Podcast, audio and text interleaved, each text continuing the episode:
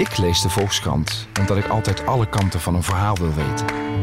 En ik nieuwsgierig ben naar de mening van anderen. Eigenlijk zou iedereen de Volkskrant moeten lezen. Gun jezelf ook de Volkskrant. Ga meteen naar volkskrant.nl/slash nu. En lees de krant tot wel acht weken voor maar 4 euro. Stopt vanzelf, volgens de actievoorwaarden. Hallo, dit is de tweede aflevering van POTUS, de podcast... waarin hij vanuit de Oval Office van de Volkskrant... de kamer van de hoofdredacteur... wordt bijgepraat over de Amerikaanse verkiezingen. En dat doen we nou ja, met de uh, hoofdredacteur zelf, met Pieter Klok... Uh, hier rechts naast mij en met Natalie Wright. En links van mij de vrouw die hier ter redactie de verkiezingen nauwlettend in de gaten houdt. En natuurlijk bellen we straks met Michael Persson, de Amerikaanse correspondent van de Volkskrant. Hij was deze week in West Virginia en zal vertellen hoe het uh, daar was. En we gaan het hier zo meteen hebben over de campagnestrategieën van Trump en Biden en de town hall meetings die ze vannacht, Nederlandse tijd, donderdagnacht, nacht van donderdag op vrijdag, hebben gehouden. Uh, maar eerst bespreken we een ander heel belangrijk uh, aspect van deze verkiezingen. Dat ook deze week weer heel prominent aanwezig was. En wat eigenlijk helemaal niks inhoudelijks heeft, of misschien toch ook weer wel. Namelijk de zogenaamde voter suppression. die ongetwijfeld doorslaggevend zal zijn bij de verkiezingen. En zoals Natalie vorige keer al een beetje zei, waarschijnlijk ook bij de nasleep van deze verkiezingen. Natalie, kan jij om te beginnen eens uitleggen uh, dit ongelooflijk rare, belangrijke fenomeen, die photosuppression, wat het eigenlijk is?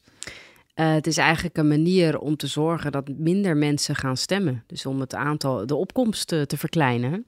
En dan zou je denken, hè, waarom zou je dat doen? Want in Nederland willen eigenlijk alle politici altijd dat er zoveel mogelijk mensen naar de stembus gaan. Mm -hmm. En in Amerika uh, zijn er uh, mensen, en vooral onder de Republikeinen, die hopen om de opkomst onder minderheidsgroepen uh, kleiner te maken omdat de kans dat die minderheidsgroepen op de Democraten stemmen nou eenmaal groter is. Dus ze werpen allerlei barrières op. Dus moet je je voorstellen, bijvoorbeeld, uh, ze zorgen dat het aantal stembureaus waar je kunt stemmen kleiner is. Hè, zodat je dus een auto nodig hebt om ergens naartoe te gaan. Dus dat is alweer een barrière. In sommige staten zijn dit jaar ineens nieuwe dingen, uh, uh, nieuwe regels ontstaan. Dat je bijvoorbeeld niet alleen je handtekening moet zetten dat je gestemd hebt, maar ook een getuigenhandtekening. Dus iemand die tekent van ja hoor, dat klopt. Dit is echt Nathalie Wright die deze handtekening heeft gezet. Um, in andere staten is het bijvoorbeeld weer als je veroordeeld bent voor een zwaar vergrijp, mag je niet stemmen. En dan mag je ook nooit meer stemmen. En een zwaar vergrijp, denk je nou, uh, iemand vermoord of zo. Nee, het gaat soms ook bijvoorbeeld om het bezit van cannabis. Hè? Dus uh, als je wiet bij je hebt gehad. Rekbaar en dan is begrip, je stemrecht begrijp. dus ja. uh, weg. Hè?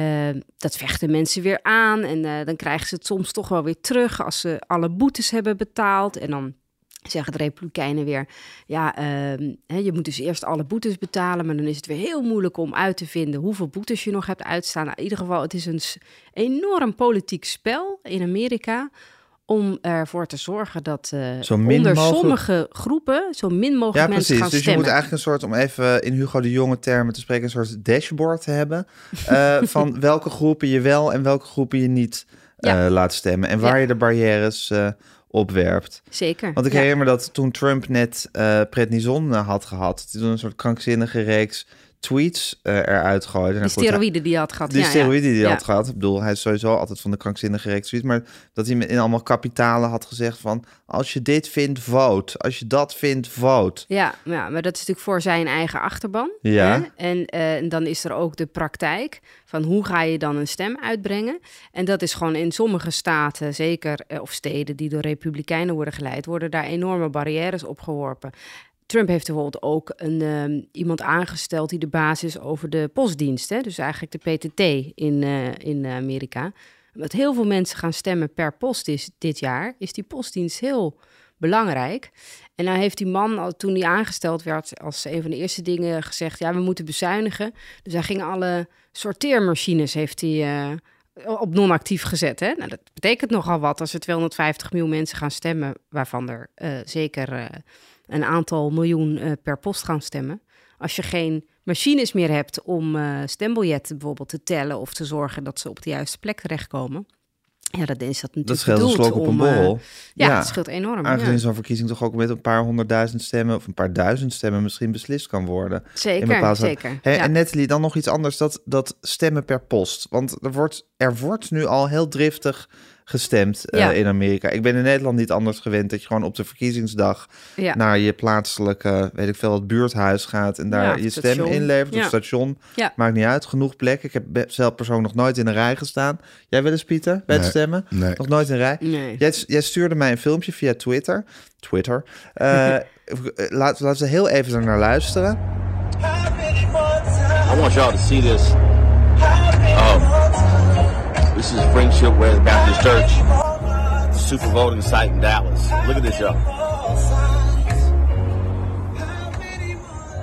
Dit is een man in zijn auto die eh, ja, een verslag doet van rijen en rijen mensen die al aan het stemmen zijn. Ja, dus wat je deze week op sociale media zag, is dat je overal echt rijen zag van mensen die probeerden te stemmen, Amerikanen. Soms eh, wel eh, 10, eh, 11, eh, 12 uur stonden ze in de rij om te kunnen stemmen. Maar waarom gaan die niet gewoon op de verkiezingsdag stemmen? Nou ja, er zijn, eh, eh, je kan dus op de dag zelf, op 3 november stemmen. Maar er is ook een regel dat je per post mag stemmen in Amerika. Ehm, maar om dus eh, te zorgen dat jouw post echt aankomt. Niet in die defecte sorteermachines defecte terechtkomen. sorteermachine blijft steken, Ja. gaan heel veel mensen naar het stembureau toe om hun stem alvast af te geven. En daar staan, het is ook een beetje een absurd eh, beeld hoor. Dan zie je soms mensen met Samsonite koffers staan. Dat zijn dan de, de kieswaarnemers. en die ontvangen dan al die stembiljetten. En dan zie je die Amerikanen, in heel, geval, heel veel gevallen zijn het democraten... die vroeg hun poststem gaan afleveren. Die zie je een beetje vertwijfeld kijken van nou, ik hoop Gaat maar dat die? Samsonite koffer dan... eh, hè, Terecht komt nog- waar die terecht moet komen. Exact, ja. Maar, eh, en waarom er dus zoveel rijen zijn, is dat dus in heel veel staten er ook voor is gezorgd dat zelfs de plek waar je poststem kan afleveren, dat dat er heel weinig zijn. Dus eh, republikeinen proberen te voorkomen dat veel mensen per post gaan stemmen, omdat het vooral democraten zijn die daar gebruik van maken. En dit, dit enthousiasme voor stemmen per post, dat is gewoon iets wat, wat, wat in de Amerikaanse democratie zit ingebakken of zo? Eh, nee, het waren, er zijn ongeveer 250 miljoen stemgerechtigden volgens mij in Amerika. En bij de vorige verkiezingen waren er ongeveer 20 miljoen mensen, als ik me niet vergis, die per post hebben gestemd. Om wat voor reden dan ook. Hè. Soms moeten mensen zelf op die dag werken, of zijn ze in het buitenland, of zijn ze slechterbeen, of hè, allerlei redenen Mhm. kan je daarvoor hebben. Maar dit keer ehm, gaan er veel meer mensen per post stemmen vanwege de coronacrisis, omdat ze dus niet eh, in die lange rijen willen staan. Ze in een andere lange rij gaan ze in een staan? andere lange rij staan. Maar goed, het is wellicht wel wat meer gespreid. Hè? Eh, dus nou, gaan, ze gaan wel vanuit dat het misschien wel tot vijf keer meer mensen zijn. Dus misschien gaan er wel 100 miljoen mensen per post stemmen dit jaar. Tot nu, dus alleen al deze week, hebben al 18 miljoen Amerikanen per post gestemd. Dus dat zijn evenveel als er Nederlanders zijn. Zijn Dat überhaupt. enorme aantallen. Ja, en zoals Ja. jij vorige keer al zei, het tellen van die poststemmen, Ja. Dat vindt pas plaats op de verkiezingsdag zelf. Ja. Dat zal langer duren dan het eh, tellen van de gewone stemmen. Ja, En je hebt ook geen exit polls natuurlijk bij, de, bij het poststemmen. Dus dat is, dat is een soort, eigenlijk een soort na-eilende uitslag die er nog aankomt. Ja. En die de uitslag die er eerst lijkt te zijn wel eens zou kunnen veranderen. Ja, en wat je ook hebt, kijk, normaal heb je op een eh, verkiezingsdag, als je mensen vraagt die uit een stembureau komen, wat heeft u gestemd? Hè? Zo doen we dat in Nederland ook. Heb je De exit poll? exit poll. Ja. En dan heb je een vrij goed beeld, zeker als mensen even blind mogen stemmen, van wilt u aanklikken wat u zojuist heeft gestemd. Dan heb je een vrij goed beeld wat de uitkomst is. zijn. Alleen dat zal nu in Amerika heel anders zijn, want relatief zullen er veel meer republikeinen op verkiezingsdag stemmen dan democraten. Ja. Want heel veel democraten hebben hun stem dus al per post uitgebracht vanwege eh, nou, die angst voor corona. Maar ook omdat, eh, nou ja, wat je dan in ieder geval op de sociale media hoort, mensen kunnen niet wachten om hun stem Ja. uit te brengen. Die zijn zo enthousiast, Eager. eager, om die Trump weg te sturen, dat het rela- dat, is, dat geeft een scheef beeld wat de uitkomst is op verkiezingsdag. En dan moet je dus die poststemmen er nog bij Ja. tellen. En dat gaat vrij lang duren voordat al die envelopjes open zijn en al die stemmen geteld zijn. Gekeurd, ja. Ja. Dus het kan zijn dat misschien Trump een goede uitslag had lijkt te hebben. Ja, En dan achteraf eh, blijkt dat niet zo te zijn. ja, en dan Nou, weet je natuurlijk dan al is wat hij gaat zeggen. eh, dan, dan hebben, Ja. Pieter, vind jij dit niet voor ja, de belangrijkste democratie ter wereld allemaal ongelooflijk krukkig eh, klinken? Ja, het verbaast me wel ook. Vooral dat het tussen staten varieert. Hè. Soms kan je die hele fotoregistration... dat je van tevoren moet aanmelden, is al raar. Je moet van tevoren ook je partijvoorkeur opgeven. Er worden allerlei hindernissen opgeworpen eh, continu. En het lijkt er meer om te gaan, niet zozeer wat de mensen gaan stemmen... maar wie er gaat stemmen. Dus een heel ander spel dan in Nederland. Hè. Daar is het meer van eh, zorgen dat, dat, dat de bestaande kiezers op jouw partij eh, stemmen. Ja. In Amerika is het veel meer zorgen dat eh, jouw achterban eh, naar het stemlokaal komt. Dus een heel ander spel. En, en wat interessant is, dus er zijn een paar staten, of volgens mij eentje, South Dakota, die hebben geen hindernissen en daar is de opkomst 20% hoger. Nee, North of-. North Dakota, Ja. sorry.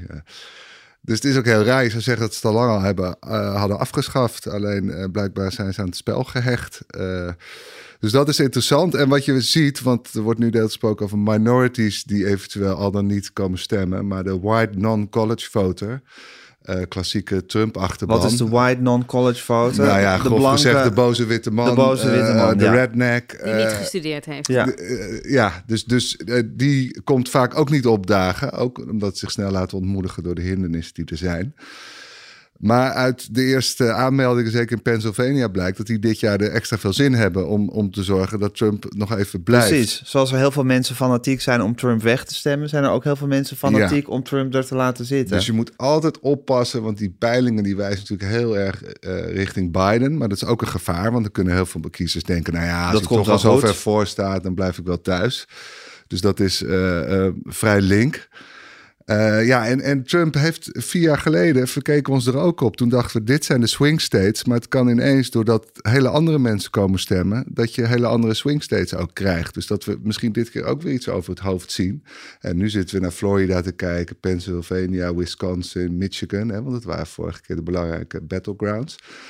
Maar je moet nooit uitsluiten dat het toch weer ergens anders gebeurt. Want de, de polarisatie is zo groot. En, en daarmee is het gedrag van kiezers volgens mij veel onvoorspelbaarder geworden dan het al decennia was. Nou, het is wel interessant wat jij zegt, omdat vorige keer natuurlijk een heel, heel, die hele groep van die witte ongeschoolde arbeiders, hè, die zijn over het hoofd gezien. Daarom heeft Trump gewonnen.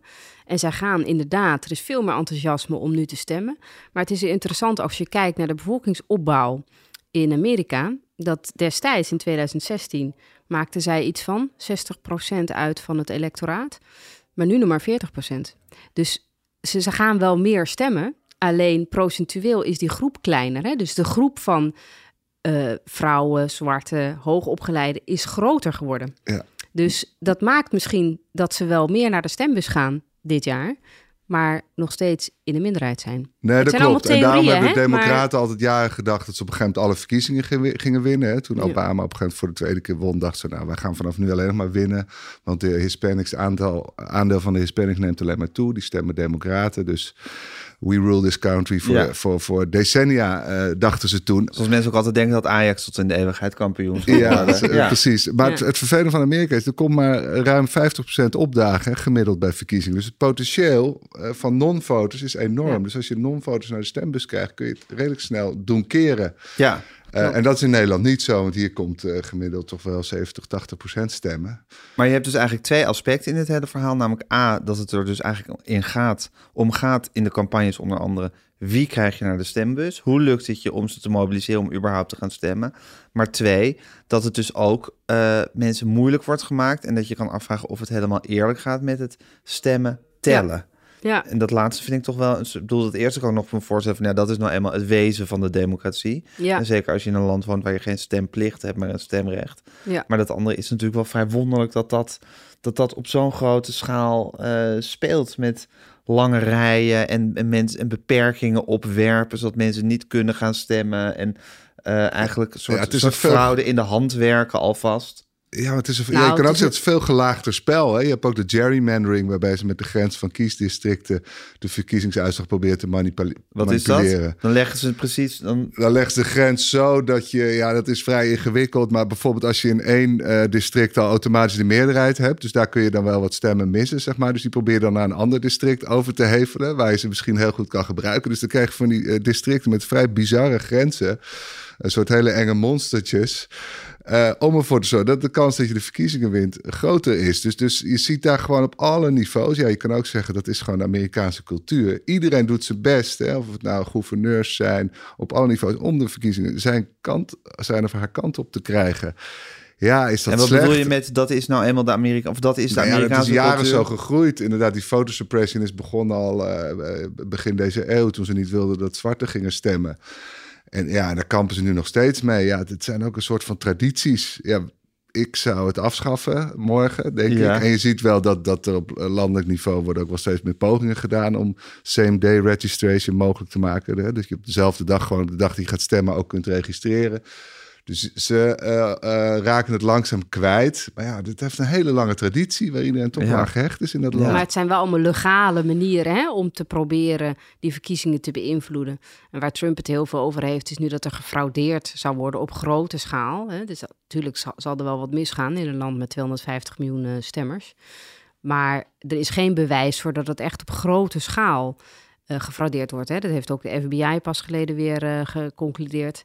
Eh, daarvan zei Trump trouwens in zijn eh, laatste tv-town hall meetings, het laatste tv-debat. Nou, misschien eh, ziet die FBI-man het dan verkeerd. Ja, Hè? Maar er is he did a geen. terrible job. Ja, Of he's i- doing a terrible job, Ja. ja. weer eens. Ja. Ehm, dus, eh, eh, maar er is dus geen bewijs voor grootschalige fraude. Er is dus wel eh, heel overduidelijk heel veel Amerikanen die de verkiezingen in hun voordeel proberen te beslechten. Maar dat Ja. zullen Amerikanen inderdaad zien als ja, gewoon Ja, het spel sp- Maar het spe- gekke slim is spelen. dat hè? soort dingen als de, de, de, de posterij gaan reorganiseren op het verkeerde moment. En Ja. heel weinig eh, stembussen neerzetten waar er heel veel nodig zijn. ja, Eh, dat is misschien feitelijk gezien geen fraude. ja. Maar het grenst wel, ik bedoel, het is wel manipulatie grenzend aan fraude. Tenminste, zo voelt het voor mij. Maar goed. Ja, maar goed, dat is natuurlijk ook wel iets wat wij in, in Nederland, eh, we hebben ook in onze wet staan, de redelijkheid en billijkheid. Hè? Dus als jij een, eh, een fiets koopt voor 10 euro, dan mag je er in alle redelijkheid van uitgaan dat die gejat is. Hè?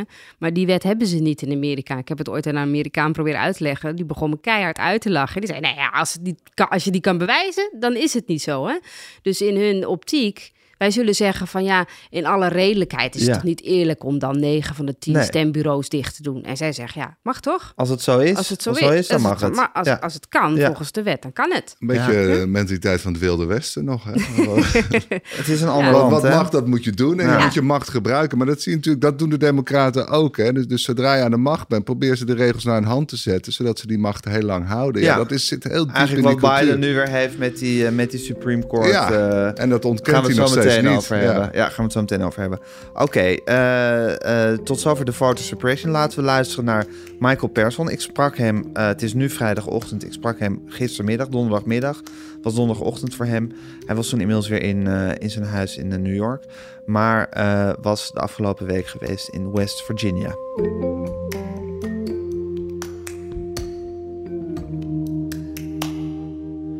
Michael, je was de afgelopen week in West Virginia. Waarom in West Virginia? Ja, ik had eh, een rondje gemaakt via Pennsylvania en Ohio en kwam toen met een lus terug naar eh, West Virginia. Ja, ja. Oude liefde van me. Dat was de eerste reportage die ik hier eh, maakte toen ik vijf jaar geleden arriveerde. En dat is eh, nou ja, het gebied van de kolenmijnen, de, de pijnstillepidemie, de, de, de, de witte armoede. eh, veel in de aandacht geweest, want de Appalachen. Maar daar ben ik toch even langs geweest, omdat daar wat...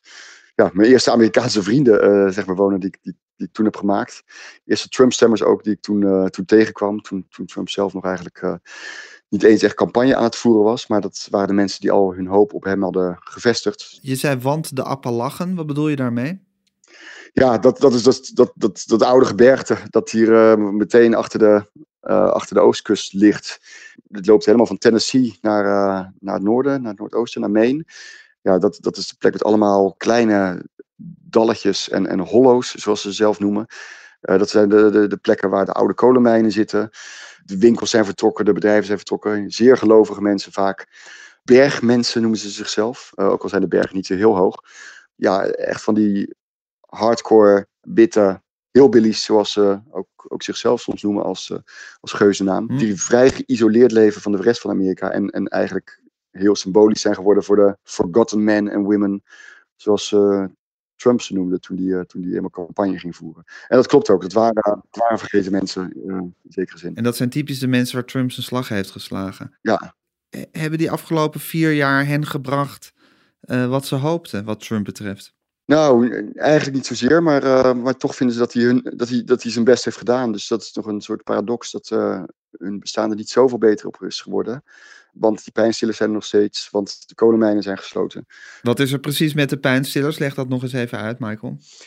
Ja, dat is echt een typisch Amerikaanse uh, epidemie. Eigenlijk, voordat we corona hadden, was dat het grote gezondheidsprobleem van, de, van het land. Het zijn drugs, het zijn uh, heroïneachtige uh, uh, medicijnen. In ieder geval met dezelfde werking.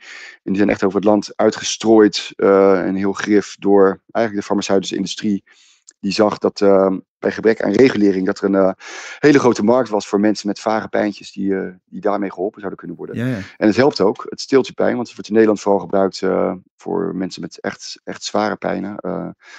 kanker of, of voor of nee, na een operatie. hier is het ook gebruikt voor, ja, voorgeschreven voor hele vage pijn. En je raakt er heel snel verslaafd aan. Dus de, de, de, de behoefte aan die pillen, als je er eenmaal aan begonnen bent, is, is enorm gegroeid. En nou ja, ook, ook veel mensen sterven door overdoses. Ja. Inmiddels worden die medicijnen minder goed voorgeschreven. Maar ja, de verslaving uh, is er. En dus hebben mensen hun toevlucht, uh, toevlucht genomen tot uh, nou ja, de illegale varianten. En dan kom je ook bij heroïne Ja. en, en fentanyl is een hele zware variant daarvan. Dus is daar grote armoede en grote verslaving aan deze pillen. En, Ja, eh, En veel, veel, veel zelfmoord ook. Het, wordt, het worden de, de deaths of despair genoemd. En eigenlijk Amerika is sinds een paar jaar gaat de levensverwachting hier, hier achteruit. En dat is voor een welvarend land, voor een rijk land, is dat, uh, is dat zeer uitzonderlijk. Ja, en je bent daar gaan kijken weer. Je was er dus vijf jaar geleden ook al. Is de situatie er beter geworden of minder geworden of hetzelfde gebleven? Grappig genoeg is uh, op, op, die plek, um, de winkel was echt op, liep op zijn laatste benen uh, vijf jaar geleden. Ik ben er tussendoor nog een keer geweest. Maar hij is overgenomen, hij is een beetje opgekalefaterd. Het was heel, zag er heel gezellig uit met versieringen voor Halloween, uh, wat eraan zit te komen. En uh, in, in, plaats van alleen een buurtwinkel met een toonbank die toen als een soort uh, praatbar werd gebruikt, was er nu een echt, een, echt een keukentje ingekomen. En eigenlijk was dit een soort witte raaf in, in, in, in, in het gebied. Want de, de mijn die toen dreigde te sluiten, die is nog steeds open. Dus er zaten veel, veel mijnwerkers daar aan de, aan de, aan de bar te, te lunchen. En eigenlijk ging het relatief goed. Dus, dus daar helemaal was men uitermate tevreden over, uh, over Trump. Want die werd er gezien als de redder van deze specifieke kolenmijn. Ja, dat geeft maar weer aan ook dat er plekken zijn in het land die zich niet houden aan algemene trends. En waar je dan dus nog steeds, uh, nou ja, waar het geloof van zo'n hele streek dan eigenlijk ook meteen op gevestigd is. Dus ook al zijn negen van de tien mijnen wel dicht en zijn negen van de tien mensen er wel uh, op achteruit gegaan. Um, dat is trouwens niet waar, Zo, zoveel zijn er niet, maar wel nou ja, veel meer is minder geworden. Maar die ene uh, plek waar het goed gaat, die wordt uh, als, als, dat wordt als hou, houvast gebruikt. Gekoesterd. En gekoesterd, ja. En, en, uh, en, en, en dat is dan ook het bewijs van, van de goede werken. Ook van Trump, ook al heeft hij hier persoonlijk niks mee te maken. Want het is gewoon een mijn die het toevallig goed doet. Je zou kunnen zeggen dat overal in dat hele gebied gaat het helemaal niet per se beter. Toevallig op die plek waar jij geweest bent en waar je nu Ja. weer bent teruggekeerd, gaat het eigenlijk relatief eh, wel beter. Maar hoe je het ook went of keert, zij voelen zich door Trump, los van wat hij feitelijk voor ze gedaan heeft, zij voelen zich wel gezien en gehoord eh, door hem. Ja, dat sowieso. Dat is alleen al, door, alleen al door, door, door hun bestaan te benoemen. Vervolgens, of ze vervolgens worden geholpen. Dan kom je toch altijd in een Amerikaanse paradox terecht. Dat ook arme mensen niet per se vinden dat eh, de overheid eh, hen moet helpen. Of mensen moet helpen in het algemeen. Want ze denken dat, dat sociale steun toch altijd op de verkeerde plekken terechtkomt. Ook al zouden ze er zelf bij gebaat zijn. Maar ze zien toch in eerste instantie zien ze de, de steuntrekker met zijn tien kinderen. Vaker ook dan gekleurd natuurlijk. Maar goed, eh, en, en, die willen ze op ge- geen enkele manier gesteund zien door de overheid. Ja, precies. Dus ze, ze- zullen altijd het gevoel hebben dat, de, dat, dat ze benadeeld worden ten opzichte van de ander. Ja, waarbij ook nog altijd de, de hoop blijft van, goh, of de hoop, eh, eigenlijk moet je een, een belasting van rijken eh, niet te zwaar belasten. Want die heeft het verdiend. En er is altijd een kans dat je zelf ooit toch nog je kinderen eh, rijk worden. En daarop vooruitlopend wil je niet dat die veel belasting gaat betalen. Dus ook al is die kans vrijwel miniem, want eh, als je voor een eh, dubbeltje geboren wordt, dan word je ook niet veel meer. Ja, dus dat is eigenlijk een diep Amerikaans gevoel. Eh, op een dag zullen we rijk worden. En alvast preluderend op die dag willen we niet dat er hoge belasting geheven worden, ook niet voor de rijken. Precies, ja. Dat, dat, is, dat, is de, dat zit heel diep. En, en vervolgens ook nog, ja, die rijken, die zijn toch uiteindelijk nog steeds goede tieren. Die, uh, dat trickelt wel down. Dus als zij een, een onderneming uh, bouwen, komt het uiteindelijk, leidt het ook tot banen en geld voor, uh, voor minder. En dat geloof is er nog steeds, ondanks, ondanks het feit dat je dus alle cijfers, die wijzen erop dat, dat het niet meer zo werkt. Je zal niet hoger opkomen. Maar Michael, het, het was dus een bijzonder bezoek voor je om maar weer terug te komen. Dat je nou eenmaal een band hebt met dat gebied. En we kunnen concluderen dat daar onder de bergmensen bij, in de Appalachen en in West Virginia, dat Trump zijn aanhang niet verloren is de afgelopen vier jaar. Ja, dat klopt. En daarbij komt nog iets uh, grappigs. Want ik was eigenlijk ging naar West Virginia om daar naar het, een van de chicste hotels van, de, van het land te gaan. De Greenbrier heet dat. Het is een soort uh, resort wat al sinds de 19e eeuw bestaat. Maar die komen dus midden in dat enorm arme gebied, in die Appalachen, in West Virginia, heb je een um, Versailles-achtig gebouw, waarin, um, ja, laten we zeggen, de, de country club chic van Amerika naartoe gaat om daar uh, uh, lange weekenden te vieren, bruiloften te vieren, congressen. Het is een heel erg republikeins bolwerk. En daar was ik naartoe om te kijken wat vinden eigenlijk nou de, de rijke republikeinen, zeg maar de klassieke republikeinen, zoals, zoals die van de, de Bush-achtige dynastieën, wat vinden die van Trump? En dat is namelijk um, een, een, een, klasse die vaak wordt vergeten. Want meestal gaat het over die, die armen die ik net beschreef. En die, zeg maar, die blue-collar workers die geen baan meer hebben en die een hoop op Trump hebben gevestigd. Maar als je verder uitzoomt, um, een groot deel van de steun van Trump kwam ook gewoon uh, van klassieke republikeinen en van echt uh, mensen die helemaal niet vergeten waren, maar mensen die uh, lid van de elite waren en nog meer lid van de elite zijn geworden uh, in de afgelopen vier jaar. want die zijn er gewoon nog meer op vooruit gegaan dan zo waren, door belastingverlaging, door deregulering. Die zijn zeer tevreden. Ja. ja. Op een rare manier waren we als journalisten hen misschien wel meer vergeten te benoemen in het beschrijven van het fenomeen van het Trumpisme dan, dan die arme mensen die echt, echt alle schijnwerpers op zich hebben gekregen de afgelopen paar jaar. Want die werden gezien als de verklaring voor het fenomeen. En dat is dus voor een deel wel zo, maar daarmee moeten we niet vergeten dat het Trumpisme niet zou kunnen bestaan. En het meest heeft betekend. Voor die rijke bovenlaag. Voor die ja. rijke dus bovenlaag. je bent, uh, afrondend Michael, je bent een hoop tevreden Trump-stemmers tegengekomen afgelopen week. Zeker, ja, zeker. Ja. Waarbij niet gezegd uh, is dat hij, uh, dat hij over een paar weken gaat, gaat winnen. Want je, je, je, dat, dat is altijd maar een kwestie Dat van is- kleine verschuivingen. En, en, Dat zal nog een slag in de lucht te blijven. ja, ja, maar goed, de, de, Ja. de tevredenheid, die, nou ja, dat, die, die is er zeker. En er zijn toch genoeg mensen in, in alle lagen van de bevolking die vinden dat hij voldoende belofte heeft ingelost. Oké. Dankjewel Michael voor, je, voor het delen van je ervaringen van de afgelopen week. Ik graag spreek je gedaan, de Gijs. volgende week. Tot volgende Oké, week. dankjewel.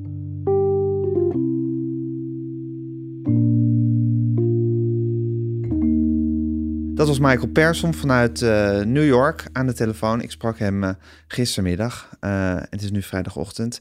En vanochtend waren de twee, of van afgelopen nacht waren de twee town hall meetings. Eigenlijk zou het debat geweest zijn tussen Trump en Biden, maar dat is vanwege de coronabesmetting van Trump is dat niet doorgegaan. Hij wilde geen virtueel debat op afstand. Dus hebben ze allebei een, een uitzending gehad waarin ze vragen van burgers beantwoorden. En, eh, en ook de, de, de interviewer eh, in kwestie eh, te woord stonden. Wat vond je van de uitzendingen, Natalie? Wat je ervan gezien hebt? Ja, nee, ik vond het wel, ik vond wel spa- spannend. Vooral dat van Trump, dat is toch het meest, ja, soort entertainment eigenlijk. Hè? En eh, ging er een beetje hard aan toe. Het was een eh, behoorlijk kruisgesprek. Hij werd stevig aan de tand gevoeld door de interviewster. En eh dit gesprek met Biden, eh, dat was meer eh, een mogelijkheid om rustig lange antwoorden te horen. Dus het was meer een soort beleidsuiteenzetting, hoe hij vindt dat het land bestuurd moet Ja. gaan worden. Maar ik denk dat de meeste mensen naar Trump hebben gekeken, want dat is toch een beetje circus, hè? Ja, dat is nou helemaal hoe het is. Ja. Pieter, heb jij het idee dat Biden überhaupt nog campagne aan het voeren is eigenlijk? Nou, zo min mogelijk. Want hoe in tegenstelling tot Trump is, hoe uitgesproken er is, hoe groter de risico's voor hem. Hè? Wat zie je ook bij die Green New Deal. Daar, houdt hij het liefst een beetje op de vlakte. Ja, hij wil groen zijn. Maar hij wil ook weer niet te groen zijn, omdat hij dan bang is dat hij die eh, eh, witte stemmers verliest. Dus je ziet op heel veel dossiers durft zich niet zo goed uit te spreken. Dus hij heeft er denk ik vooral eh, belang bij dat het alleen maar over Trump gaat en alleen maar over corona, zo klein mogelijk.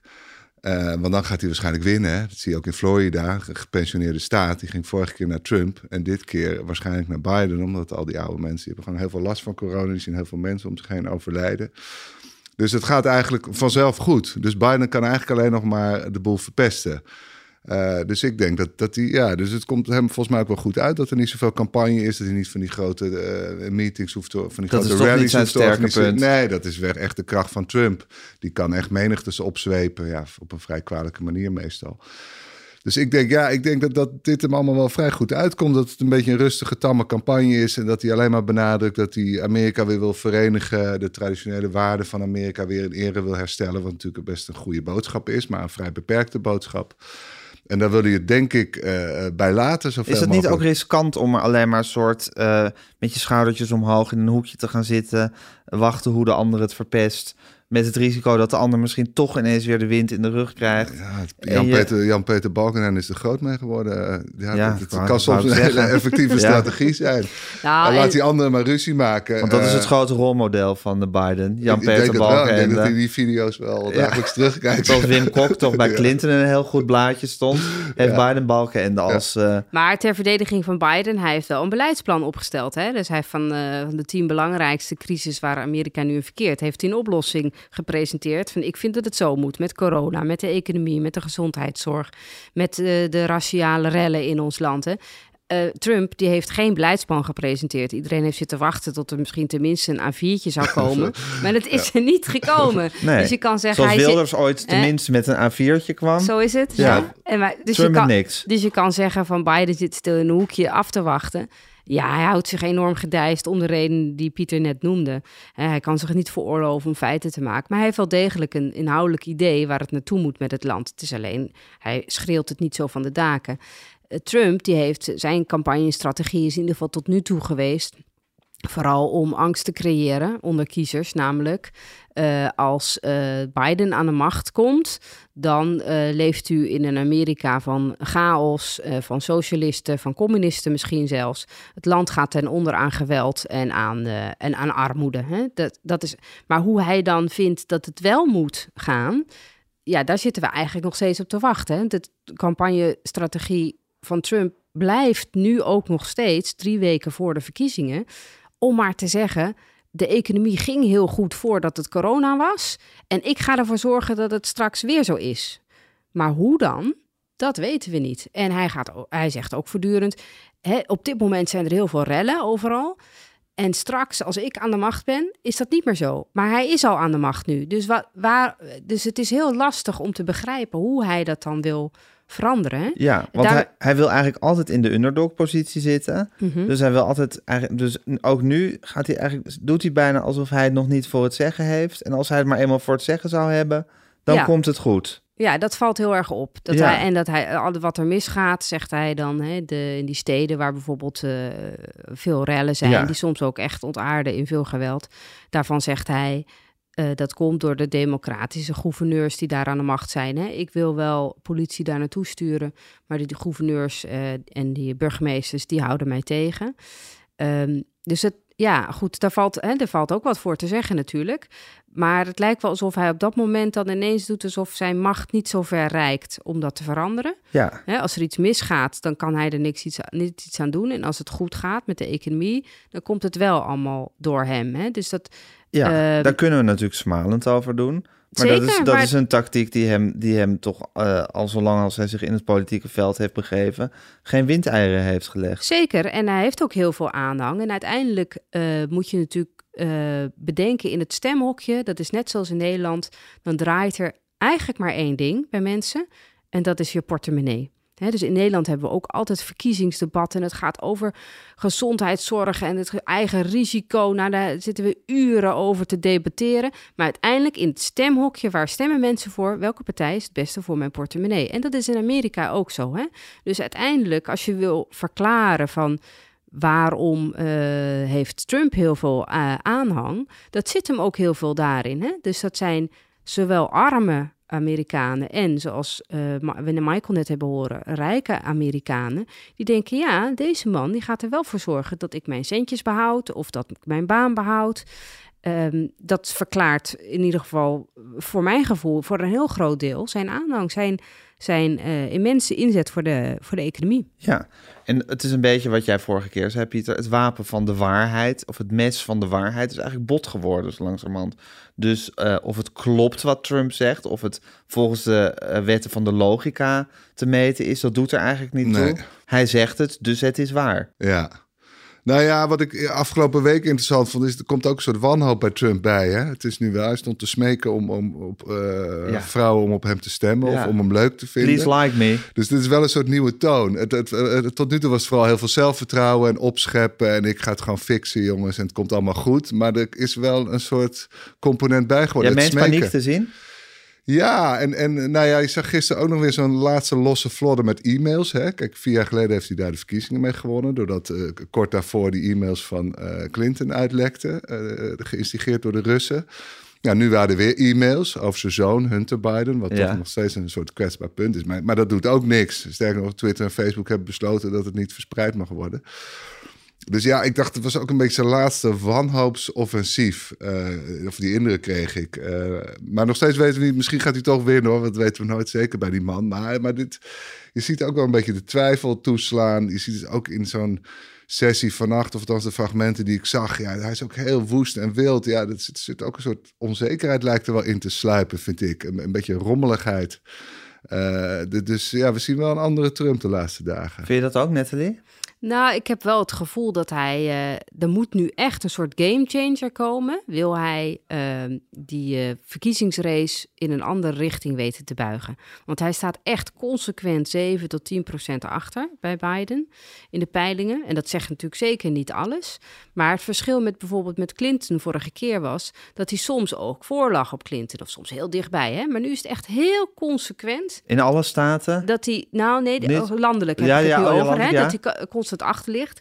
Als je kijkt op staatniveau, dan zit, dan zit het veel dichter bij elkaar.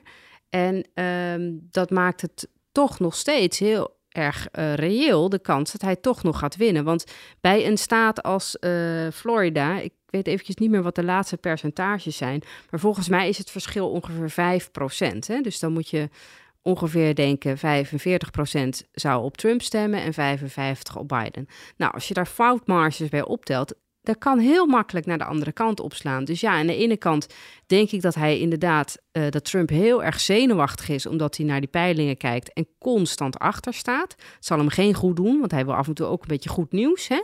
Maar aan de andere kant denk ik dat hij ook wel in zijn team er heel erg op vertrouwen van hey, dat was vorige keer ook zo in de race met eh, Clinton. Dus we hebben zeker nog wel kans om het eh, om te slaan. En dat is ook zo. Er hoeft maar dit te gebeuren. En het valt allemaal weer als een domino-steentje Ja, om maar richting het is wel Pieter, van Trump. wat Pieter zegt, er zou misschien wel een gamechanger moeten komen. Er moet misschien Ja, eens een keer ja. fundamenteel slecht nieuws voor Biden komen. Nou, ik- Zoals dat vorige keer met, met, met Hillary Clinton eigenlijk aanhoudend zo Nou ja, was. als er bijvoorbeeld- Dat ze het ene mini-schandaal of grote schandaal na het andere moest Ja, pareren. ik denk wel dat Trump die heeft wel zoiets nodig, denk ik. Dus als er in zo'n debat eh, wat er eh, eh, gisteravond was, of als er, hè, we hebben er nog eentje, staat er op stapel op 22 oktober, als ik me niet vergis. Als er in zo'n debat iets heel groots gebeurt, bijvoorbeeld, weet ik het, Biden struikelt of zoiets, weet je wel? Of Ja. we hebben in het verleden wel eens momenten gehad dat dan Of hij kan George echt niet Bush, meer uit die zijn ging woorden op zijn horloge kijken, terwijl een kiezer een vraag stelde, zo van, kan ik hier eindelijk weg? Eh, Ik heb er geen zin meer in. Ja. En Bill Clinton zat heel erg geïnteresseerd te luisteren. Hè? En wie won? Bill Clinton, toen. ja. Hè? Dus er Of Biden kunnen, komt een keer daadwerkelijk niet meer uit zijn woorden. Precies, Wat altijd een beetje op de loer ligt. er kunnen tijdens zo'n debat, kunnen er soms zijn het one-liners of dingen die iemand doet. Dat kan ineens zo bepalend zijn voor hoe kiezers naar iemand kijken. Ehm, dus ja, dat, het zou zeker nog kunnen. Zeker. Ja, maar het is eigenlijk wachten op een moment van zwakte van Biden. Want je zou kunnen zeggen, Ja. Pieter, dat eh, wat betreft eh, eh, de waarheid als wapen en dat dat bot is geworden, dat geldt misschien ook een beetje voor de schandalen die Trump begint te probeert te antameren. Dat alles, alles wat hij aan beschuldigingen uit ook eigenlijk amper meer eh, eh, nou, dat denk ik wel. Want serieus wordt genomen nadat we jarenlang eh, gek zijn gemaakt door hem met, met de ene beschuldiging naar de andere. Ja, want ik denk dat de- media dit keer anders zouden reageren als er weer van die e-mails uitlekten. Weet je wel, toen, toen hadden ze heel erg gevoel, ja, we moeten wel gebalanceerd zijn. Ja, dit is slecht nieuws voor Hillary, dus we moeten uitgebreid over berichten. Hè. De New York Times heeft dat toen gedaan. Ik denk dat media nu wat terughoudender zijn, want we weten nu dat, dat de Russen er toen achter zaten. Hè. Die hadden dat min of meer gelekt. Dus alles waarmee Trump komt, als er nog dirt is, denk ik toch, dat zie je dus ook al in die Hunter Biden-zaak, dat Ja. eigenlijk de media bijna één front vormen van luister, dit klopt volgens ons niet. Dus we gaan hier ook niet over publiceren. En de sociale mediaplatforms die zeggen nee, we gaan dit ook niet verspreiden. En dat was vier jaar geleden natuurlijk anders. Totaal Toen kon hij op sociale media kon hij wel dit soort campagnes, kon hij onwaarheden verspreiden. Dus het wordt gewoon moeilijker voor hem. Dus dat is misschien het goede nieuws. Ook hebben we vorig keer geconstateerd dat die leugens niet op hem afstralen. Ze hebben misschien ook steeds minder effect. Ja, Eh, nou ja, als dat ja zo en is, de dan hebben we media en de sociale media beginnen zichzelf een beetje te corrigeren wat betreft het Ja. verspreiden van andermans leugens. Ja, dus, dus, dus, dus dat liegen wordt... Ja, dan laten we hopen dat dat zo is. Ook, ook in Europa. Dat leugens weer een kleinere rol gaan spelen in de campagnes. Ja. Ja, en, en eh, wie is ditmaal de vergeten groep? Hè? Nu kunnen we heel goed analyseren dat in 2016 was de vergeten groep hè, de blanke, onopgeleide man eh, naar wie niet geluisterd werd. Maar het zou heel goed kunnen zijn dat we nu een hele grote groep over het hoofd zien. Ja. Ja, het verbaast me altijd, eh, ik verbaas me altijd over het zelfvertrouwen waarmee ehm, analytici zeggen... ja, het gaat om de, de, de, de witte vrouw in de voorsteden. En daar zou het nu om gaan. Dat is de cruciale. Ja. Denk, hoe weet u dat toch elke keer? En waarom twijfel je niet aan jezelf? Want we weten Ja. van de afgelopen verkiezingen... dat het totaal onvoorspelbaar is. Tunnelvisie. Misschien is het wie de- is de moltermen Misschien is het de, de, bejaarde eh, vrouw in Florida. Je weet het Ja. niet. We Ja. weten niet wie, wie uiteindelijk het verschil Nou, dat gaat wordt maken. natuurlijk gezegd omdat vorige keer een heel groot aantal van die eh, vrouwen uit die rijke voorsteden Toch op hebben, hem hè, stemden, toch, eh, ja. 60% of zo heeft op, eh, op Trump gestemd in plaats van op Clinton eh, destijds. Dus dan zou je denken, nou nu maken ze ook weer een groot deel uit. Maar je moet inderdaad kijken ook naar de op- opbouw van zo'n eh, zo'n land. En als je daarnaar kijkt, dan, dan dit de zwarte bevolking, die nemen gewoon een veel. Er waren vorige keer volgens mij 5% of zo van de stemmers. Dus lang niet iedereen komt opdagen. Hè? Ja. En nu Maar er kan 10% ineens of op zo. 3 november Dus- een hele, hele nieuwe vergeten groep Nou ja, opduiken. bijvoorbeeld de, de Hispanics, eh, de- Ja. die, die stemden, vrouwelijk, de vrouwen uit die bevolkingsgroep, die stemden vier jaar geleden heel erg op Hillary Clinton. En die gaan veel minder op Biden stemmen, want die zijn vaak ook katholiek en vrij conservatief. Maar ja, dus ja, misschien gaat die groep ineens wel veel meer voor Trump kiezen. Weten wij veel, we weten het niet. En, Nee. en dat maakt die verkiezingen elke keer wel enorm spannend. Ja. Maar het is toch fascinerend, Natalie, dat er gaan, neem ik aan, miljoenen om in de industrie van de, van de opiniepeilers in Amerika. Ja. Er gaan miljoenen, zo niet miljarden op in de campagnestrategieën van, eh, van, de, beide, van de beide heren. Ja. Eh, dat het dan alsnog bijna onmogelijk is om exact er de vinger op te leggen waar de crux zal zitten van de verkiezingsuitslag. ja, maar dat Bij komt omdat mensen dat voor zitten. zichzelf ook vaak niet weten. Kijk maar naar jezelf. Als, jij, als het verkiezingsdag is, heel veel mensen die lopen naar het stemhokje en die denken... Zal ik toch dit? zelf. Zal ik toch dat? Ja. Zal ik toch dit? Zal ik toch dat? En uiteindelijk is het dus vaak in het stemhokje dat je dan toch aan je portemonnee Ja. denkt, die het bepaalt. Ja, Maar heel veel mensen zij zitten zelf ook op de wip en weten het niet. ongelooflijk. Wat spannend. Ja. Vond je het jammer dat er geen debat was, Natalie, vannacht? Of vond je het, eh, vond je het ook wel prettig, de town hall meeting? Ik vond de town hall meeting veel prettiger dan het eerste debat. Want dat was zo'n chaos. Iedereen was door elkaar heen schreeuwen. Daar kon je niks wijthuis maken. En ik vond nu dat je wel wat nieuwe dingen hoorde. Trump die, eh, die gewoon weigert om afstand te nemen van QAnon. Hè, die complottheorie. Eh, dat er allerlei eh, democraten eh, Satan zouden aanhangen en kindertjes zouden misbruiken.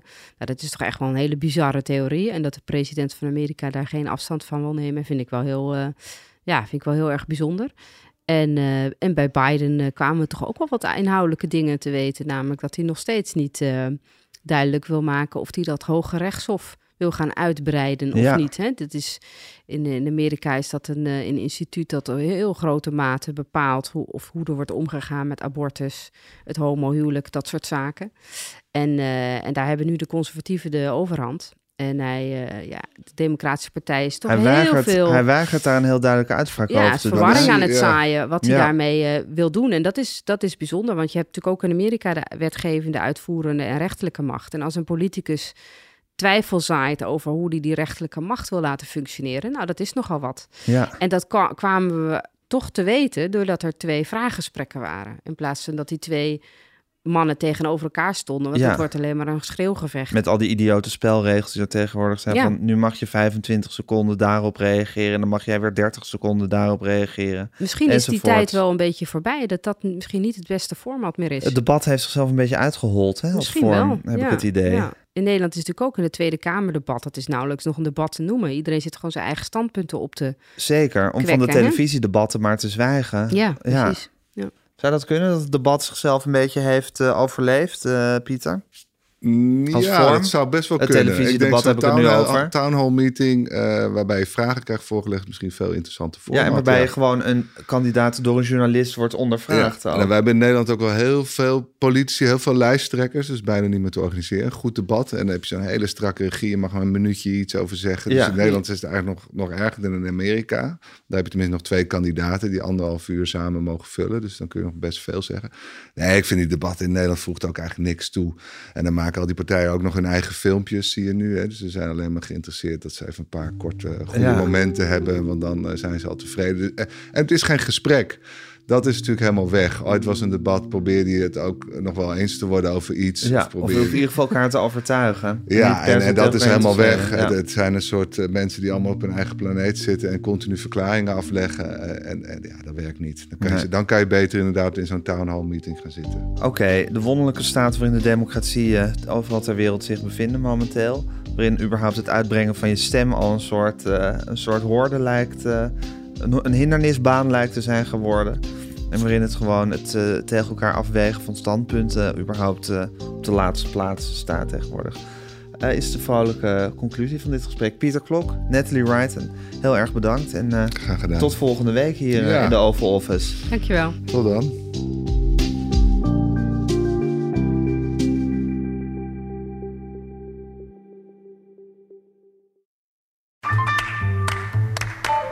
Ik lees de Volkskrant omdat ik continu geïnspireerd wil worden.